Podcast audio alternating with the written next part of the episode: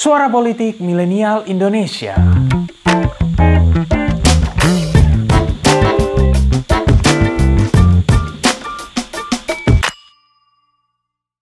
It was in this so-called Congress that I was dethroned and replaced by Suryadi as chairperson. 23 Juli 1996 pukul 10.28 pagi, Megawati menyampaikan pernyataan sikapnya sebagai Ketua Umum PDI setelah ada Kongres PDI tandingan yang menetapkan Suryadi sebagai Ketua Umum. Momen ini menandai perjalanan penting Mega dalam politik Indonesia karena empat hari kemudian terjadi peristiwa yang dikenal sebagai kerusuhan 27 Juli alias Kuda Tuli. Yang jelas peristiwa ini jadi momen makin banyaknya orang yang bersimpatik pada perjuangan Mega.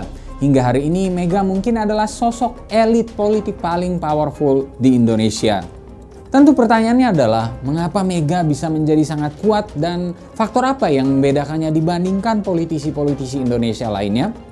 Well, get your coffee and let's get it started.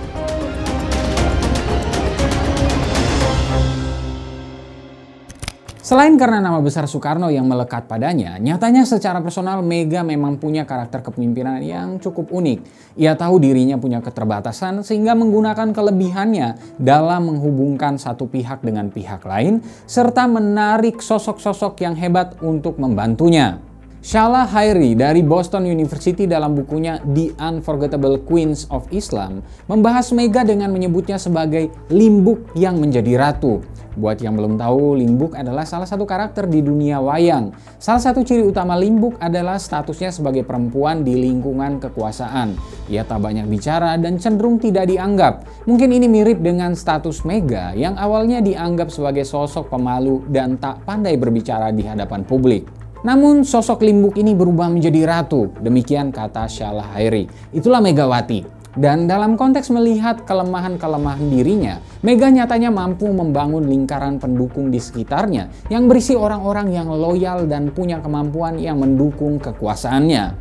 Setidaknya ada tiga alasan utama yang mendukung argumentasi ini. Pertama, karena ia adalah politisi yang memang didesain menjadi kuat. Kalian bisa tonton penjelasannya di video-video Pinpol tentang bagaimana operasi intelijen terjadi di awal-awal kemunculan Mega dalam panggung politik Indonesia. Kemudian kedua, Mega berhasil mengkapitalisasi modal politiknya dengan menempatkan sosok-sosok yang loyal di pos-pos penting sejak dirinya jadi wapres, kemudian presiden, termasuk hingga saat ini.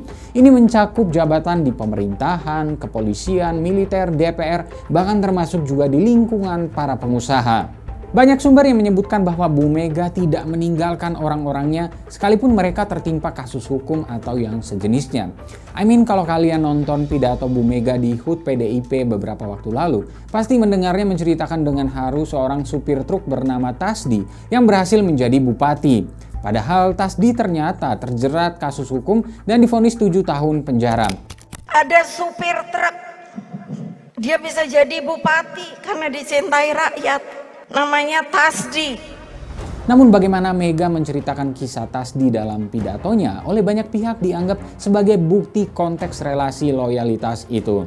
Hmm, ini kali ya yang membedakan Bu Mega dengan Pak SBY. Ketika kasus korupsi menimpa Demokrat, pamor SBY dan partai itu langsung berantakan. Tapi tidak dengan PDIP, dihantam kasus korupsi macam kasus Bansos, nyatanya tetap aja kuat. Dan faktor ketiga adalah keberhasilan marketing politik, baik secara personal maupun dalam konteks PDIP sebagai parpol. Kalau kalian perhatikan, sejak tahun 2014 lalu PDIP banyak bekerja sama dengan ekspertis. Katakanlah macam Hermawan Kertajaya yang kerap memberikan kelas di sekolah partai PDIP. Buat yang belum tahu, Hermawan Kertajaya ini adalah begawan marketing yang punya nama besar hingga di level internasional. Dengan demikian, bisa dipastikan marketing politik PDIP telah berjalan dengan baik. Nah, secara garis besar faktor-faktor itulah yang membuat Mega dan PDIP menjadi sangat kuat. Konsolidasi internal yang mumpuni juga karena faktor almarhum sang suami Taufik Yemes yang bisa menjadi penghubung Mega ke banyak pihak menjadi faktor-faktor tambahan lain.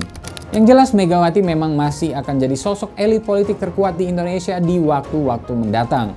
Kalau ia berhasil kembali mendorong sosok yang terpilih lagi jadi presiden di 2024, maka mungkin layak untuk menyebut Mega sebagai sosok yang tak terkalahkan.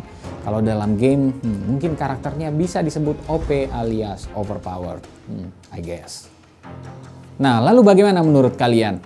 Apa faktor penting yang membuat Mega begitu kuat? Berikan pendapatmu.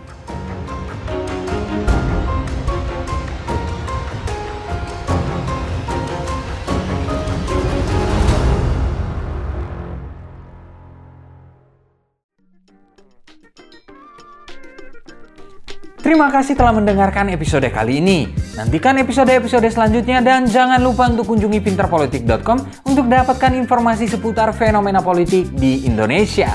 See you next time and bye-bye.